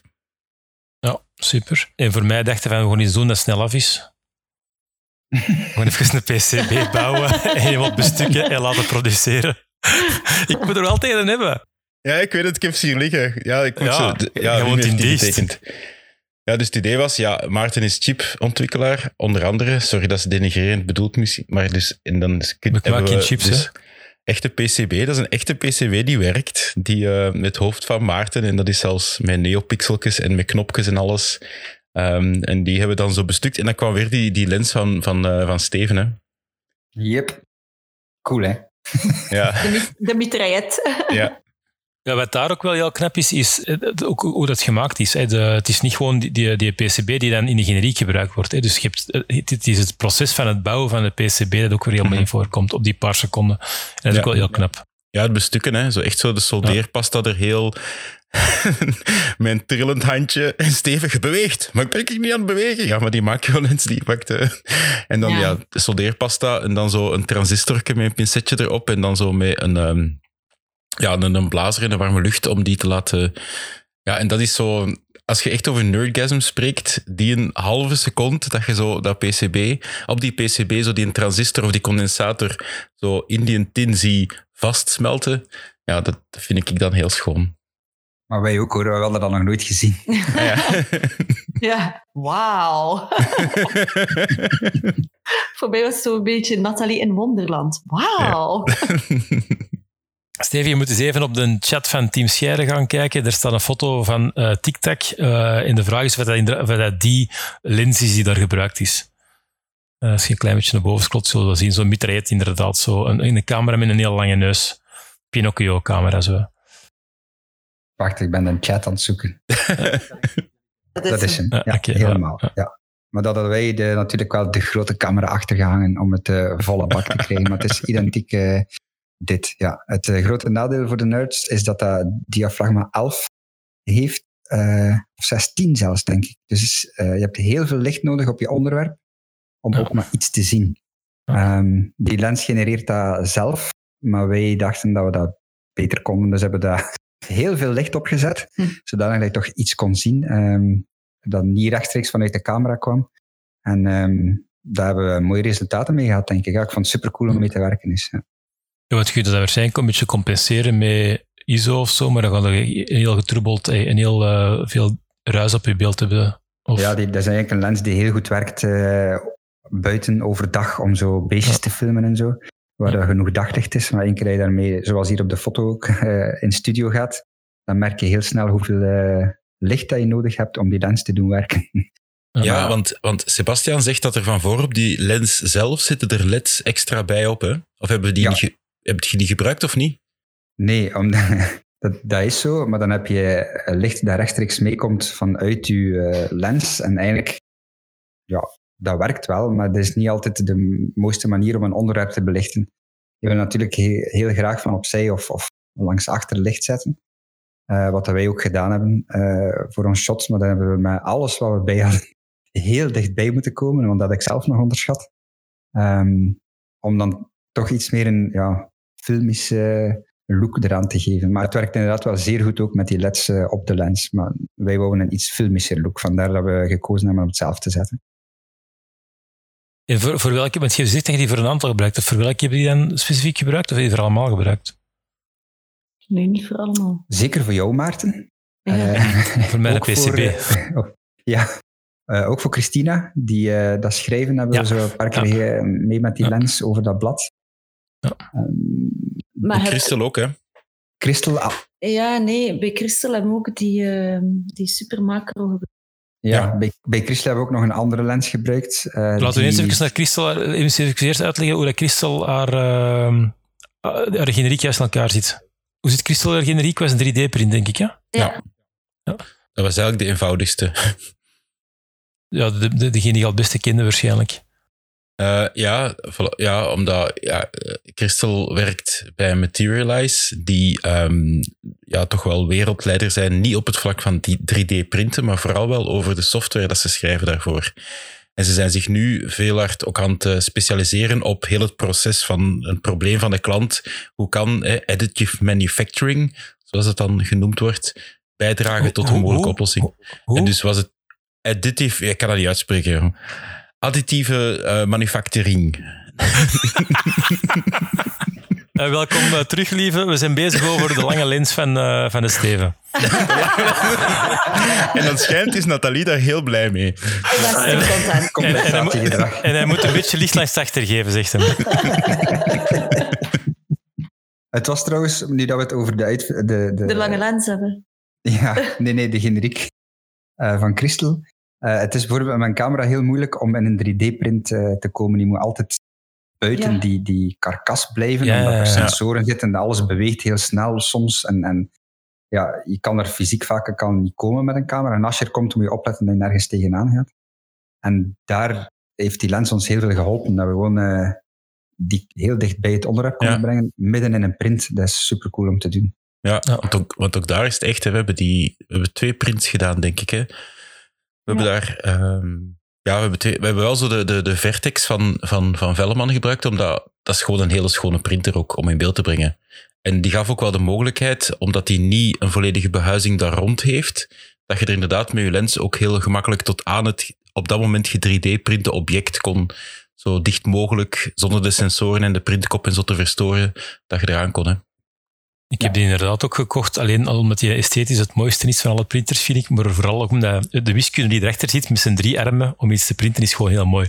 Dat het de beste keuze was om die te kopen, dat weet ik niet. Maar Dus eh, het is bijna een designstuk, hè? Die, Ah, wel, het is dat. Ja. ja, ja, ja, het, is heel, het is heel knap. Eh, maar ik denk dat er ondertussen wel betere printers voor dezelfde prijs zijn. Eh, maar dat is een discussie. Wacht, hè, we hebben hier nog eh, Ronald hebben we al gehad, eh Katrien hebben we gehad, eh Christel hebben we gehad, Lien. Ah ja, Lin. eh, was ook een hele coole, omdat... ehm, ja, op zich niet zo gemakkelijk, omdat Lin niet specifiek de figuur is die dat technisch... Eh, ehm, wacht even, Kurt. Eh, eh, lieve, we zijn over de generiek bezig, niet over de personen Ja. zelf, voor de duidelijkheid. Ja, ja, ja. Zover was ik al trouwens over die generiek. Eh, mijn kinders, als ze de generiek zagen, zeiden ze: Hebben die dat allemaal echt gedaan? Ja. Die zijn zo groot geworden met ja, heel veel CGI en grafische effecten op YouTube en in films. En dat was zo van: "Allee, Die hebben dat allemaal echt gedaan. Ik zei: Ja, dat hebben ze allemaal echt gedaan. Ja, want eh, om erop in te gaan, het was, was ook het idee, hè, naar aanleiding, het eerste seizoen met Team Scheire hadden we ook op canvas.be een pagina waar we iets extra achtergrondinformatie rond de, zowel de problematiek als het probleem, als de technologische oplossingen konden geven. En het idee was ook dat voor die generiek dat we daar een pagina op Canvas rond gingen maken, waarin dat we die acht technologieën gingen uitlichten en zo iets of wat in drie zinnen konden uitleggen van kijk, dit is wat dat is en daarom ligt het aan die persoon. Ehm, spijtig genoeg heeft Canvas dan beslist om geen website niet meer te hebben en alleen maar naar VRT nu door te linken, dus hadden we geen plaats niet meer om die dingen te zetten. Maar ehm, om toch maar een keer nog te bewijzen van het is wel echt en het is een logische keuze in de functie van het programma, in de sfeer van alles is echt daar. Dus ja, ehm voilà. Dus je wordt eh Lien haar aan het uitleggen? Ja, voilà, omdat, omdat Lin niet direct het meest... ehm, d- zij heeft niet de technische skills aan zich, maar zij is echt heel, een hele goede tolk tussen de developers en de eindgebruikers en, en daarin heel dat proces begeleiden en zo. En vandaar zo inderdaad zo whiteboard-achtige dingen. En dan ook weer via ehm, ey, Maarten trouwens, die tentoonstelling waar wij samen naartoe zijn gegaan, ey, iRobot, weet je nog, in Gent. Ja, ja. Toen ja, dat was, dat was kun cool, want je kon die een boek daar kopen van, van iRobot, van Bram van der Borcht en nog heel veel, en Fredo en nog heel veel andere auteurs. Ehm, en, en je kon je een boek ook laten signeren door een robot. En dat was effectief een robotarm met een pen. En je legde nu een boek daaronder. En die robotarm die tekende zijn naam, iRobot dan in dit geval, daarop. En dan was het direct duidelijk van, ah ja, cool, we kunnen dat doen voor Lin. En we laten die robot dan Lin tekenen. En dan via Bram van der Borcht en, en eh, eh, Brubotics is dat zeker, van de VUB. Dan hebben we daar dan mogen gaan filmen. Nog een vraagje dat ik eh, op de chat hier zie. Dat zal dan vooral voor eh, Steven zijn. Er zijn ook wel wat meer makers die zichzelf beginnen te filmen om dan, dat op eh, online te zetten. Zijn er tips die je kunt geven voor mensen die zichzelf willen filmen? Ehm, ja, ik denk ehm, dat, dat is sowieso een heel andere, moet ik vakgebied dan waar wij mee bezig zijn. Maar het komt wel veel dichter bij elkaar. En dan merk je ook bij Team dat we die verschillende mediums door elkaar gaan gebruiken. Alles wat wij gebruiken van cameramateriaal is manueel te bedienen. En denk, eh, alles wat dat je zelf vlogt en voor jezelf filmt, dat je er heel veel aan de camera moet overlaten, ook qua scherpstelling en zo. Ehm, omdat je daar geen tijd hebt om daarmee bezig te zijn. En je moet daar gewoon maken dat je een goede camera hebt die je goed focust, denk ik. En al de rest kan je achteraf wel een beetje bijpassen. Er is software genoeg en, en eh, montage en kleurprogramma's om dat allemaal eh, fancy te maken achteraf. Dus eh, waar wij niet vertrouwen op autofocus, moet je daar heel goed kunnen vertrouwen Ja. op autofocus. Daar zou ik vooral voor gaan. Omdat jullie ook gewoon het artistieke stuk van, van de camera ook veel belangrijker vinden uiteraard dan dat je een, een boodschap via vlogging wilt overbrengen. Hey, voor jullie is het ook gewoon belangrijk dat als je iets in beeld wilt hebben, dat je perfect weet van dat is scherp en dat mag juist niet scherp zijn. Terwijl het dan, als je het zelf doet, veel meer gaat over dat verhaal vlug kunnen, kunnen in beeld brengen, uiteraard. Ja, en denk als vlogger is er maar één Ja. iemand die scherp moet zijn natuurlijk. Hè. Het is de vlogger. Dus Ja. dan moet je niet de keuze gaan maken van iets artistieks voor de achtergrond. En, en tegenwoordig doen die nieuwere fototoestellen en zo, dat is supergoed. Dus eh, ja, ode Ja. aan veel vlogger trouwens, want ik, ik sta er soms zelf van te kijken eh, wat dat die er allemaal uithalen. Ik ben er redelijk veel mee bezig, maar natuurlijk minder dan mensen die er elke dag mee vloggen. En soms eh, sta ik zelf te kijken en ga ik eh, op zoek van hoe hebben die dat gedaan, want ze doen heel straffe dingen mee. Absoluut. Er is wel één eh, tv-programma met, met autofocus ook, dat is Top Gear. Eigenlijk eh, een geweldige eh, Mhm.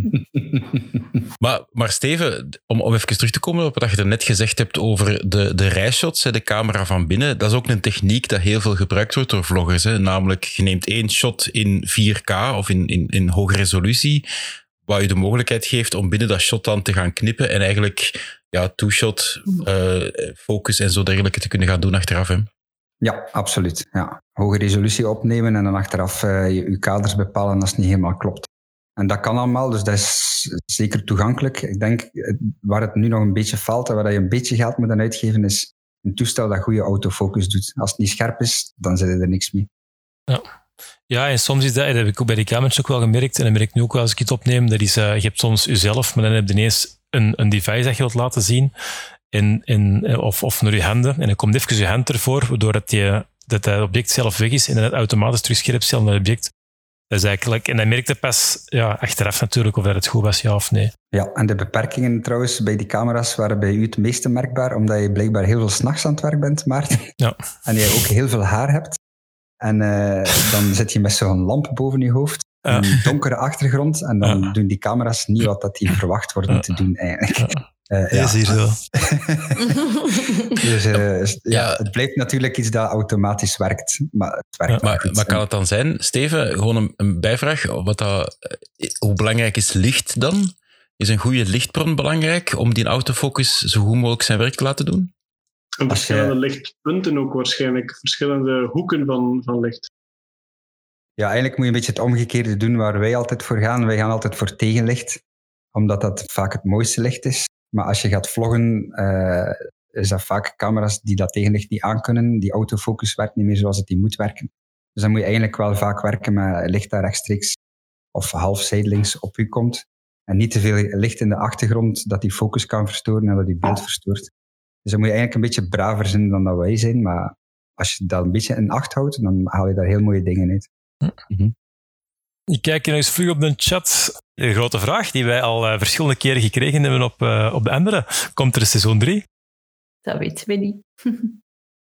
Ja, ik zou dat, ik zou dat heel graag hebben. Ehm, niet alleen voor het programma zelf, maar ook voor, de, ja, voor het proces. Hè. Het is zoiets tof om, te, om, om bij te zijn. De maakkant, eh, het opleveren, het afgeven van die dingen. Dus ik vind, ik vind het een, een waardevol programma, zowel uit egoïsme, omdat ik er gewoon graag bij ben, als maatschappelijk voor de mensen voor wie dat je werkt en voor hetgeen dat je kunt laten zien wat dat, dat soort maakskills eh, kan teweegbrengen hè, voor, voor, voor iemand die je daarmee helpt. Ehm, maar ja, bon, de tv-wereld is zo'n woelige zee momenteel. En ja, je kunt, je kunt de nieuwe beheersovereenkomst van de VRT lezen en je kunt daar heel optimistisch over worden als zijnde, ah kijk, ehm, eh, maatschappelijk belang en eh, ehm, eh, stemvakken staan daar toch in. En je kunt er ook heel pessimistisch over worden als zijnde de budgetten, daar komt nog een hardere bankschroef op. En wij waren voor Canvas al een programma dat aan de dure kant was. Dus ik vind het zeer moeilijk in te schatten. Eigenlijk hadden we, we hadden er iets van Vlaamse kanon moeten insteken. Dat was misschien wel gelukt. misschien een Vlaamse leeuw 3D-printen of zo. Een, eh, misschien kan er een robot eh, en een rolstoel onder zitten of zo, onder die, onder die leeuw. Ja, voilà. Goed, eh, bij deze woorden Zijn er ook bepaalde dingen, Kurt, wil jij nog eens iets vragen dat daarmee te maken heeft? Eh, Ik bedoel, niet met eh, het Franse kanon, hè, maar... nee, liever niet, nee. Ja, er was nog een klein vraagje, denk ik, over zo het laatste shot van de begingeneriek. Namelijk zo, ieder, alle makers rond de tafel, eh, of dat dat met een cameraarm gedaan was, of hoe dat, dat gemaakt is geweest. Want ik weet, Nathalie, dat, we daar, dat je daar ook wel eh, heel hard over nagedacht had van, ja, dan moet dat zo en zo, want ja, ja. Hoe is dat juist gefilmd? Ja, ik zei eigenlijk tegen Steven, ik wil dus een shot dat mooi steady achteruit gaat, dat we traag eh, alle eh, uitvinders ontdekken. Die moeten dan ook allemaal scherp zijn en het mag ook niet te lang duren. Voilà. Waarop Bedenk mijn maar antwoord iets. was, jouw antwoord van er is maar één toestel dat het kan en dat is zo'n cameraarm. Maar helaas lieten de budgetten dat niet toe. dus zijn we opnieuw, eh, net als jullie, creatief gaan eh, Ja. zoeken. En dan hebben we dat eigenlijk met een mini-jeep gedaan. Dat is een soort eh, kleine kraan die we helemaal extended gezet hebben tot dicht bij Lieven zijn gezicht. Iets dichter dan dat hij denk ik wou. Ehm, en daar hebben we zelfs een kleine camera moeten opzetten, want die kon de grote camera niet meer dragen.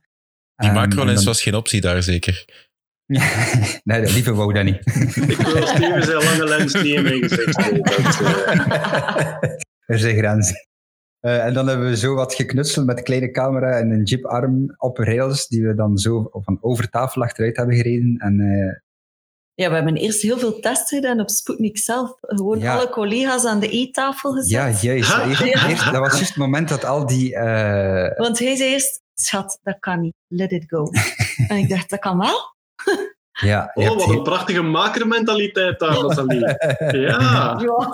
Ja, ik word vaak op die manier ja. uitgedacht.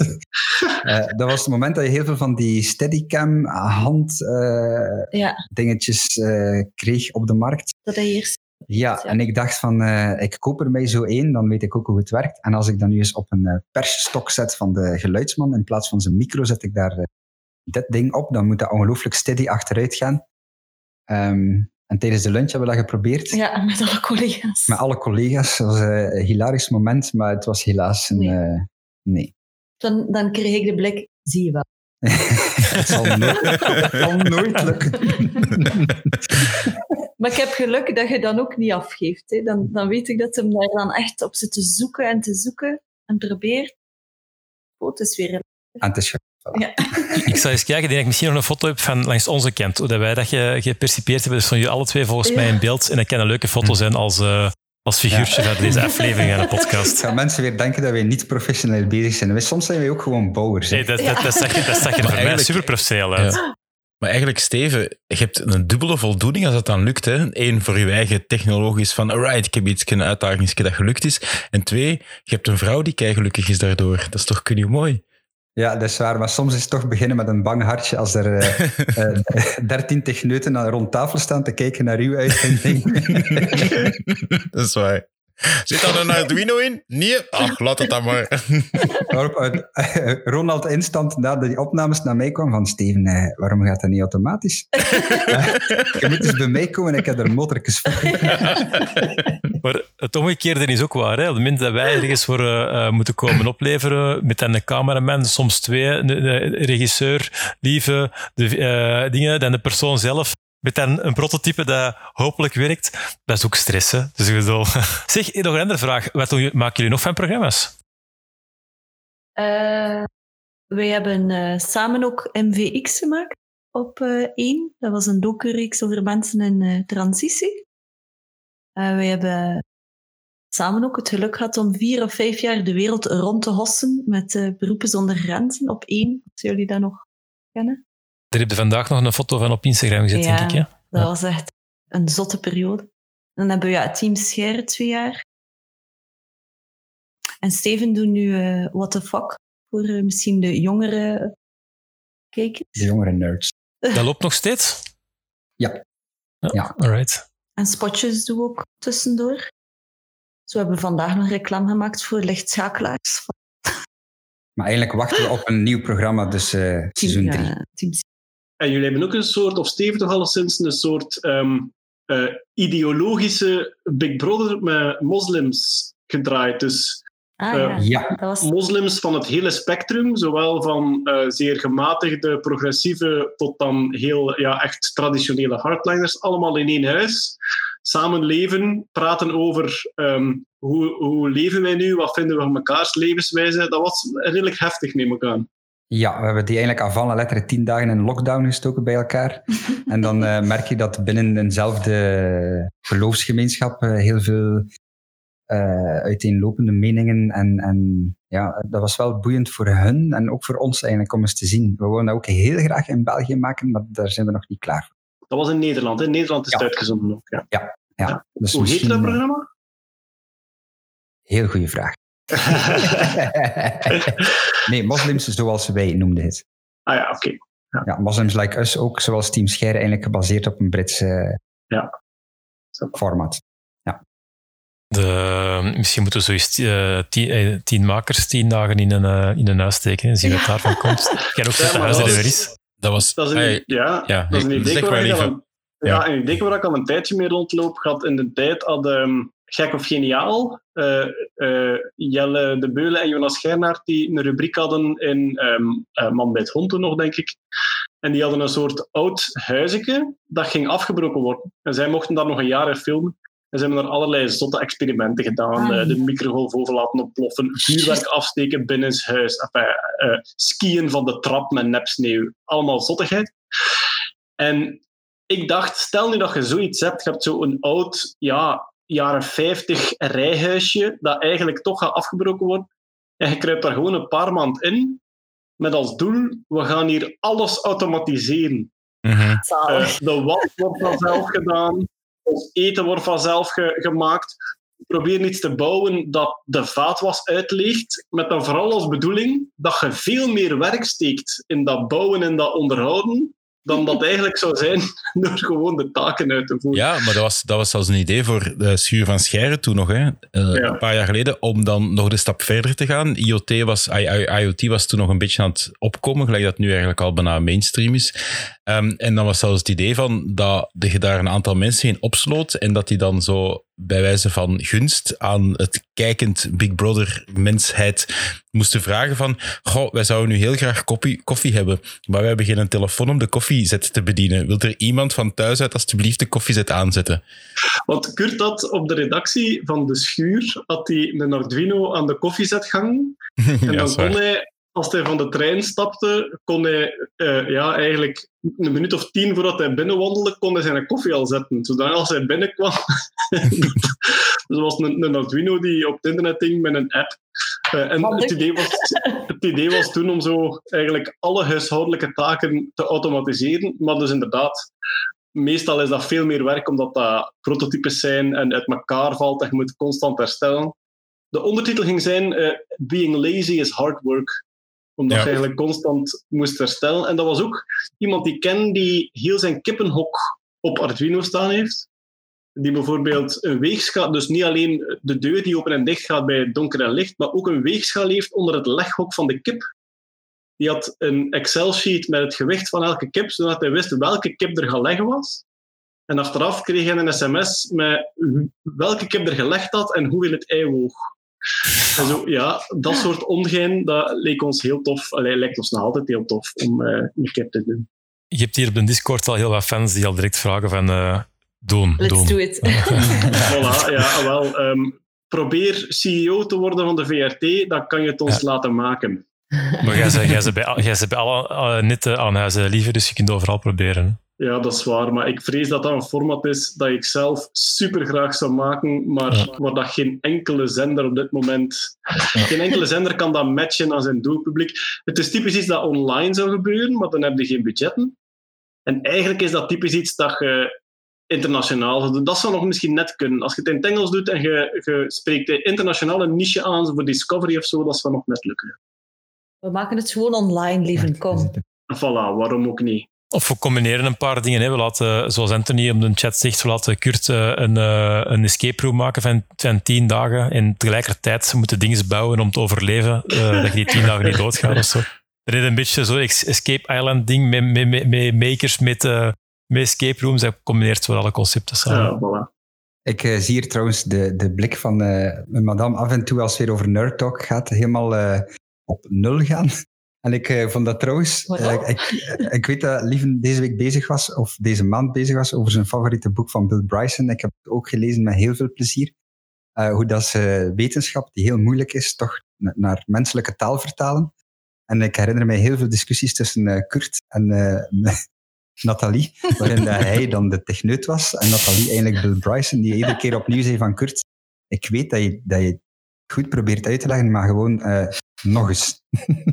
Dat is waar, dat is waar. Ik vind eh, eh, zo, als het rond technologie gaat, om dat uit te leggen aan een breed publiek, je, je probeert, hè, dat is iets wat ik van Lieve geleerd heb, je probeert dat, u in te beelden dat je een slimme 12-jarige dat probeert uit te leggen. Ehm, en Nathalie was daar een heel goede testpersoon voor. Ja, dat was toen ze me vroegen voor eh, Team Scheire te doen. iedereen in mijn om- omgeving begon echt super hard te lachen. Want technologie, techniek en ik, dat is echt, allee, there's no match toen. Hm. Eh, maar eigenlijk was dat misschien op zich niet zo slecht. Want eh, ik, kon het, ik denk dat dat heeft geholpen om het begrijpbaar te houden. Ja, Dus- Absoluut, want ik denk, ik denk dat, dat het feit van dat jij dat wel, en Nathalie, dat je dat wel heel hard kunt, kunt connecten met, met het doelpubliek, wat dat ook niet, ai, ook niet altijd, eh, het, groot, het grote deel van het publiek heeft ook niet direct die connectie met technologie. En ik vind dat je dat wel zo, de aanzetten dat ik dan gaf, in functie van, kijk, maar die stap, hè, bijvoorbeeld nu moet ik denken aan Maarten en, en voor, de, voor de blinde ruiter. Ehm, op het moment dat ze daar die metingen gaan doen met die ultra-wideband, heb Ja. ik heel duidelijk gezegd van, dat is een hele belangrijke stap, want dat is gewoon, ik weet niet hoe schoon, dat is Belgische technologie, dat gaat in alle telefoons uitgerold worden binnen dit en x jaar. Ehm, en dat je, dan, dat je dan wel erin meeging om te zeggen, oké, we gaan het filmen. En dat je dan dat je er wel voor open stond. Dat is wel, dat is wel heel cool dat dat wel, dat dat wel matchte of zo. En dat je daar wel dat verhaal ook in zag en dat je dat wel mee verteld kunt hebben. Dan, dat is wel tof. Maar je hebt daar er ik werk gehad. hè. Je hebt, er werk, je hebt er wel werk gehad. Ik zie ons nog vaak zitten. Ik denk dat dat op zich ook al een tv-programma waard was.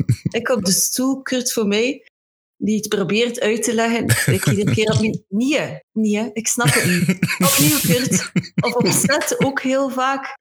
Eh, Maarten, ja, leg maar uit wat je aan het doen bent. Maarten die begint het dan uit te leggen. Die eerste dagen, ik dacht echt, oh my god, waar ben ik van begonnen? Echt, dit is Chinees. En iedere keer opnieuw, opnieuw.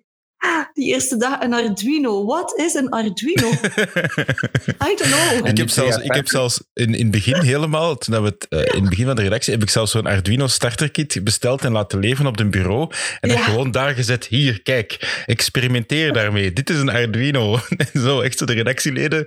En dan zo toch wel eh, toch een stagiair die dat daar toch mee bezig was en zo lampjes heeft laten branden en zo. Maar ja, soms Blue, het... de Blue King LED gemaakt, of wat? Ja, ja, ja, absoluut. Maar, maar ik, ik moet er vandoor, eh, dames Ja, en voilà. heren. We gaan ook direct Ehm, afsluiten. Dag alvast Graag tot de volgende keer. Yes, ça va. Salut. Yo, bye bye. Ben, Na- Nathalie, ik, ik, ik herinner me ook nog wel een moment dat je zei van... ehm, eh, ik vind het kei tof en ik ben aan het bijleren. Hè, zo de, dat uiteindelijk ook op een gegeven moment ook wel zo de dingen was. En ik denk dat het ook langs de andere kant is. De Anthony, die had al jaren geen televisie meer gekeken op de kabel. Eh, dus dus het, is, het, is, het, is, het is dubbel. Maar goed, ondertussen op de chat zijn er nog heel veel eh, lofbetuigingen naar eh, het programma en hoe dat jullie het gemaakt hebben. En dat er eh, technologie wordt gezien. En toch echt elke keer op het einde van een, van een aflevering een mooi, toch wel emotioneel moment is. Dat er toch wel wat tranen zijn eh, weggepinkt. bij ons ook hoor, op ja, voilà, ja. Eh, dus nee, ik denk dat, ik denk dat het een heel mooi, mooi programma is. Ik vind het ook super tof dat jullie ehm, in deze laatste Team Scheire special op de podcast even de, eh, het verhaal achter de schermen wouden doen. En even laten zien hoe dat, dat gemaakt was. Hartelijk dank Heel daarvoor. veel plezier. En merci ook eh, aan jullie, eh, vooral jullie geduld met een total leak, zoals Eh, maar dat geldt voor ons ook als totale tv-leek. hè. Dus eh, dat, dat, eh, Voilà. dat, is, dat is wederzijds. Nathalie, Steven, Kurt, salut. Dag. Dit was Nerdland Maker.